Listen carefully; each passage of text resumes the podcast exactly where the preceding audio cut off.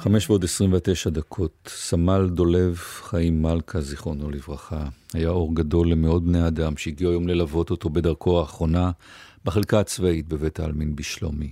כתבנו קובי מנדל.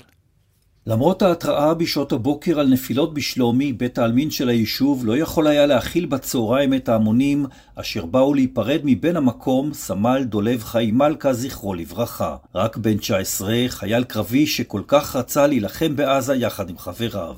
ביום שלישי עוד הספיקו בני משפחתו לבקרו זמן קצר לפני הכניסה לעזה. ושלושה ימים אחר כך, ביום שישי, הרגשה רעה לא נתנה מנוח לאם סיוון. ראש המועצה האזורית מטה אשר, משה דוידוביץ', מועצה בה עובדת האם, ברר באמצעות קשריו היכן נמצא דולב, ולאחר זמן מה נאלץ להתייצב בבית המשפחה עם ההודעה הנוראה.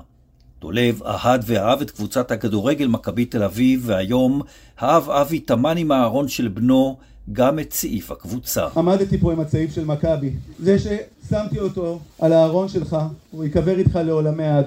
צעיף שביקשת ממני רק ביום שלישי שבאנו לבקר אותך לפני הכניסה לעזה להביא לך כי אתה רוצה להצטלם איתו ברצועה המקוללת שיהיה לנו הרבה תמונות של מכבי שאלה איך אנחנו ממשיכים איך אני עכשיו הולך למשחקים יחד עם עמית איך הולכים בלעדיך? קיבלתי אותך במתנה ולמה לקחו לי אותך שהרי מתנות לא לוקחים זקה האם סיוון ואחות הצעירה מיקה סיפרה שדולב היה זה שתמיד הגשים עבורה משאלות והיה לצידה. מי יגשים לי את כל החלומות שלי? מי יקנה לי מה שאני רוצה וייקח אותי לאן שאני רוצה? למה דווקא אתה? למה אתה היית החיים שלי והיום אני עומדת מול ארון וקוברת את החיים שלי ביחד איתך? האור של הבית, האור של המשפחה, של כולם.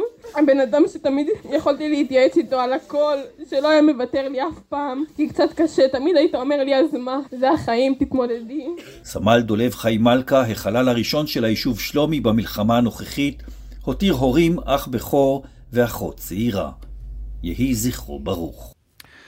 בבית העלמין הצבאי ברחובות הובא למנורות לפני זמן קצר סמל אפיק טרי, זכרו לברכה, אחד משלושת הלוחמים שנפלו שלשום בפיצוץ, פיצוץ המטענים בח'אן יונס. מאות ליוו אותו בדרכו האחרונה, כתבתנו טלאור מאירסון.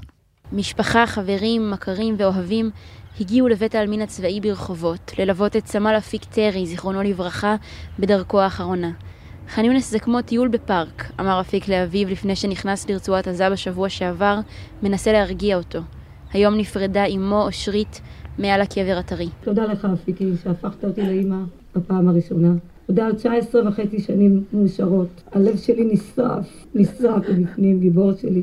כתבת לי שאני לביאה, אז תן לי כוחות שאוכל לשמור על אבא, על אנחנו עכשיו עם צבע אדום באיילת השחר, גדות תכולת היסוד המעלה, משמר הירדן, עמוקה ושדה אליעזר, צפון בגליל העליון, איילת השחר, גדות תכולת היסוד המעלה, משמר הירדן, עמוקה, שדה אליעזר, חדירת כלי טיס עוין, זו התראה עכשיו בצפון, ועכשיו נחזור לשמוע את המשך הכתבה.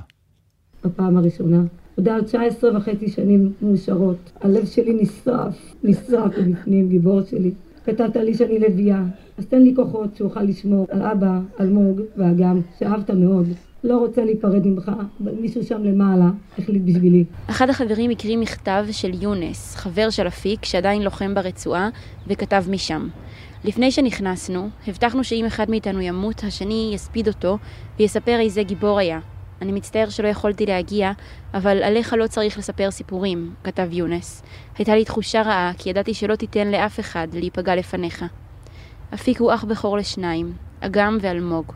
אלמוג סיפר שהפסיד את הביקור האחרון של המשפחה אצל אפיק בגלל אימון כדורגל, ושאפיק הבין אותו. הוא שחזר את השיחה האחרונה שלהם.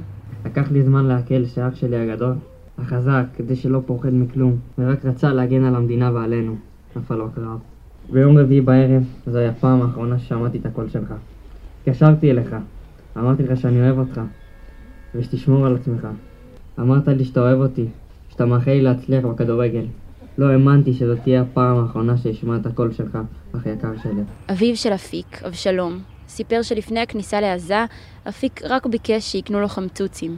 לא יודע מה אתה עושה עם הדבר המגעיל הזה, אבל רצית חמצוצים, אז נסענו לקנות לך, סיפר, והבטיח אני אבוא לפה בכל יום, בכל שעה, גם ב-12 בלילה. אני אוכל חמצוצים מגעילים שאני לא סובל, ואחזור הביתה לאימא. תשמור עלינו מלמעלה, הוא ביקש. יהי זכרו של אפיק טרי ברוך.